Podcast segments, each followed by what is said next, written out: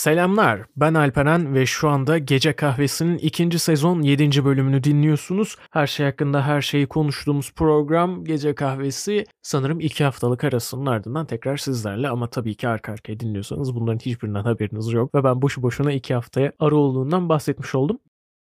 Neden böyle bir şey olduğunu bir önceki bölümde açıklamıştım ki hatırlarsanız bir önceki bölümde Ratem'de çalıştığım dönemin sonlarına doğru Murat Hoca ile konuştuğumuz bir günde öğrendiğim iki temel prensipten bahsetmiştim. Ve bunu ilerleyen bölümlerde de devam ettireceğim bir formata çevireceğim gibi geliyor. Murat Hoca'dan öğrendiklerim 2, 3, 4 değil de Ratam'daki hocalardan öğrendiklerimi aktardığım bir format güzel olacak gibi. Çünkü yani Ratam'daki ilk aylarımda da düşündüğüm, yapmak istediğim şey, pandemi döneminde uzak kaldığımda da yapmak istediğim şey, geri döndüğümde de yapmak istediğim şey aynıydı. Oradaki o kültürü, o yapıyı daha fazla insana tanıtmak, yaymak ve Türkiye'de de böyle yerler var, böyle insanlar var kısmını kanıtlamaktı. Ve şu an bunu video formatında yapamadığım için en azından sesli olarak yapmak iyi olur. Hem benim için de bir nevi bir hani yeniden çağrışım yapar, bir egzersiz olur. Çünkü hatırlayamadığım çok fazla şey var ve bunları anlatabilmek için benim de bir şeyleri hatırlamam gerekiyor. O yüzden öyle bir şey. Fark ettiğiniz gibi yine sesime bir şeyler oldu. Ne olduğuna dair hiçbir fikrim yok. Ya soğuktan dolayı bir şeyler kaptı boğazım ve ilginçleşti ya da ergenlik döneminin sonlarına doğru ilerlediğim için herhalde artık vücut şey yapıyor. Abi ergenlikten bak çıkacağız hani 22 yaşındasın ama hala 23 değilsin hala daha 25 değilsin durumlarında olabilir. Bir fikrim yok. Geçen gün çok güzeldi. Ama o gün de podcast yapmadım işte. Ah be hayatta bazı şeyler yalnızca bir defa geliyor. Bu bölüm aslında biraz toparlama bölümü olacak. Çünkü dedim ya iki haftadır yokum diye. Normalde bu bir haftalık bir süreç olacaktı. Çünkü bir hafta İzmir'e gidecektim ve podcast kaydetme imkanım değil ama podcast yapmamak için geçerli bir bahanem olacaktı. Neyse sonra geri geldim ve yine podcast yapmadım. Hemen hemen iki hafta sürdü. Birçok sebebi var. Yine de bu olayın ikinci sezonun genel temasıyla bağlantılı olduğunu düşünüyorum. Nedir bu tema?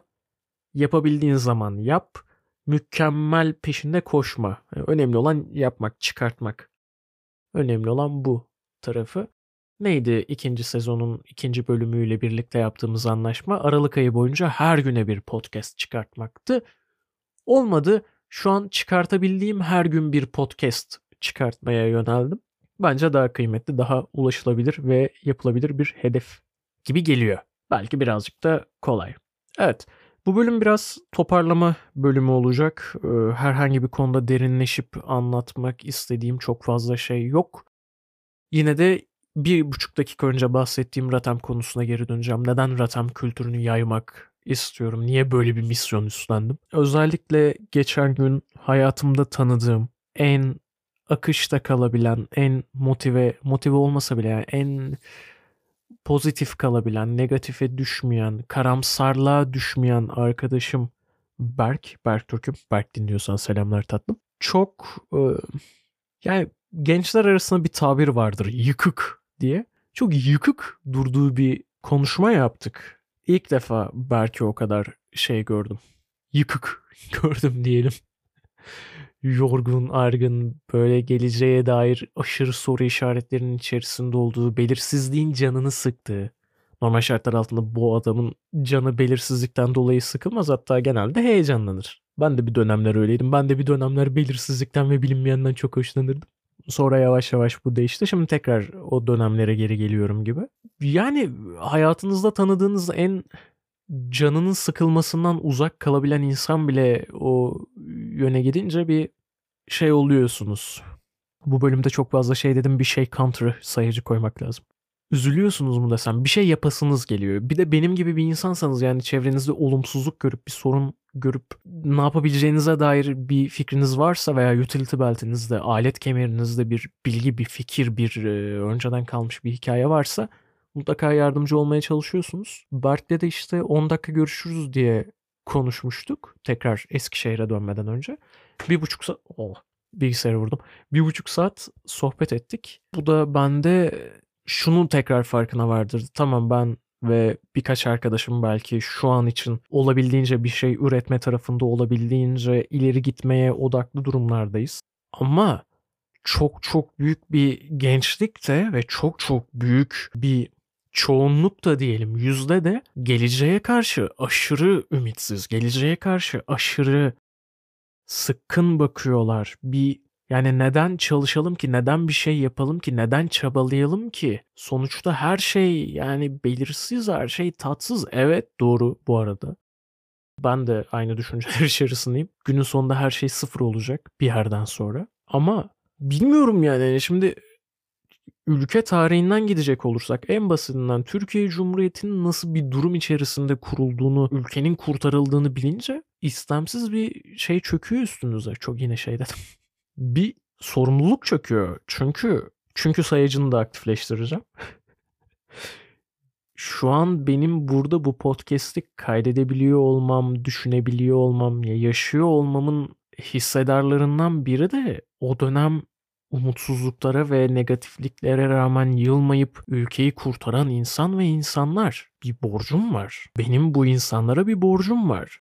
Nasıl bir dünya vatandaşı olarak şu anda kullandığım Kore üretimi telefon, Çin üretimi mikrofon, Türkiye'de üretilmiş mikrofon standında kullanıyorsam ve bunlar benim bunu yapabilmem için üretilmişse ve onlara da bir borcum varsa globalde aynısı daha da gerisinde bir minnet borcu olarak bu ülkeyi kurtaran ve şu anda nefes alabiliyor olmamızı, şu anda burada olmamızı sağlayan insanlara da var. Ve bu noktada özellikle lise döneminde anksiyete sorunu yaşamış ki çok şaşırtıcıdır benim anksiyete sorunu yaşamam. Hiç beklemediğim bir şeydi. Bir insan olarak o dönem bunun nasıl etrafından dolaşabileceğimi, bastırabileceğimi, yenebileceğimi araştırıp öğrenmiş not etmiş ve aklında belirli anekdotlar kalmış bir insan olarak şu an bunları paylaşmak yine bana düşüyor. Bu benim görevim. Yani ahlaken görevim. Kendime verdiğim bir görev ya da. O noktada işte bir baskı hissetmeye başladım. Bir de kapitalist ve çok fırsatçı bir yerden bakarsanız da o tarafta bir bir piyasa, bir pazar gördüm. O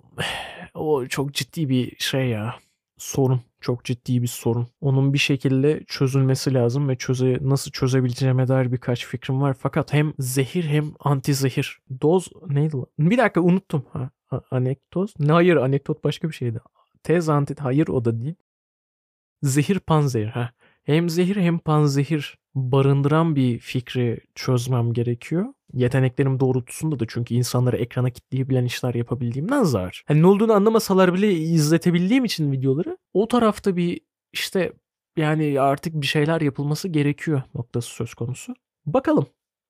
YouTube tarafına artık girmeyi daha doğrusu YouTube'da değil video içeriği üretme tarafında ve insanlara faydalı olan videolar üretme tarafında daha fazla geç kalamam kalmamam gerekiyor. Bu hem toplu çıkarlara çok ters düşüyor hem de kişisel çıkarlarıma artık çok ters düşüyor. Ve diğer taraftan da zaten 6 aylık emeklilik, fahri emeklilik sürecim bitmeye çok yakın. Yani Ocak'tan sonra şöyle söyleyeyim boş vakit diye tanımladığımız vakti hayatımda istemiyorum. Bir şekilde ondan kurtulacağız. Onları da paylaşacağım. Bir diğer taraftan yine içerisinde Berk'in de bulunduğu, Ayberk'in de bulunduğu. Ayberk de şu anda Etsy'de dijital tasarım mağazası yürütüyor paşam. En son kazançlarını artırmayı başarmıştı. Allah bereket versin, daha da artırsın. Ve Berda'nın da olduğu bir oluşum, bir ajanslaşma mı desem ya o tip böyle bir fırlama bir fikir içerisindeydik. Onun adının bulduğumuz adın kimsenin bulmayacağını düşündüğümüz, sadece bizim bulabileceğini, bulabileceğimizi tahmin ettiğimiz adın daha birkaç saat önce Amerikalı bir çanta firması tarafından kullanıldığını ve globale iş yaptığını öğrendim. Çocuklar daha görmedi. Uyanmamışlardır çünkü. Evet, tahmin edebileceğiniz üzere canım çok sıkın ve yeni bir isim bulmamız gerekiyor. Ve az çok bu işleri biliyorsanız yeni bir isim bulmanın ne kadar can sıkıcı bir süreç olduğuna dair fikriniz vardır hocam. O tarafa bir fikir lazım. Bir taraftan global bir resesyon söz konusuyken gidip iş yapılması gerekiyor. Çok fazla belirsizlik varken bu belirsizlikleri takmadan denize açılmak gerekiyor. O çok çok sevdiğim metafor. Bir gemi limanda güvendedir ama gemilerin yeri liman değildir diye. Fakat böyle bir olayın global bir resesyon içerisinde olması ne yazık ki risk alma faktörünü daha güvenli sulara çekmeye itiyor. Yani güvenli sular değil de daha güvenli riskler almaya itiyor. Bakalım. Önümüz uzun yani insan ömrü 80 yıl 80 yıl diye kaç yıldır burada laf yapıyorum, ahkam kesiyorum. Umarım şey olur. Karşılığını alırız ya bunların hani hakkını veririm artık bu tip mevzuların konuşmaların. Evet bir diğer fark ettiğim şey de bu bölüm kısa tutmaya çalışıyorum dediğim gibi. Gece kahvesinin formatının yavaş yavaş oturmuş olması nedir bu? İlk birkaç dakika böyle neyden bahsedeceğini bilmeme.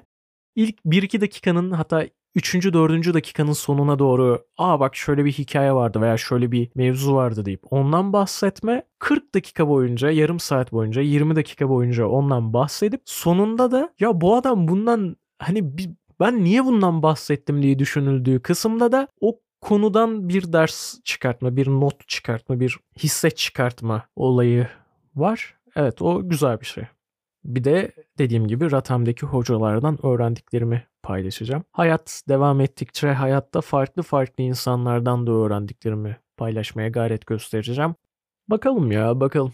Dediğim gibi ne zor şartlar altında şu ülkenin kurtarıldığı veya daha da daha da geriye gidelim. Yani ne zor şartlar altında insanlığın hayatta kaldığı ve birilerinin sırf başka insanlar yaşasın diye yaptığı fedakarlıkları düşününce insanlık tarihi bakımından bir sorumluluk hissediyorum ben.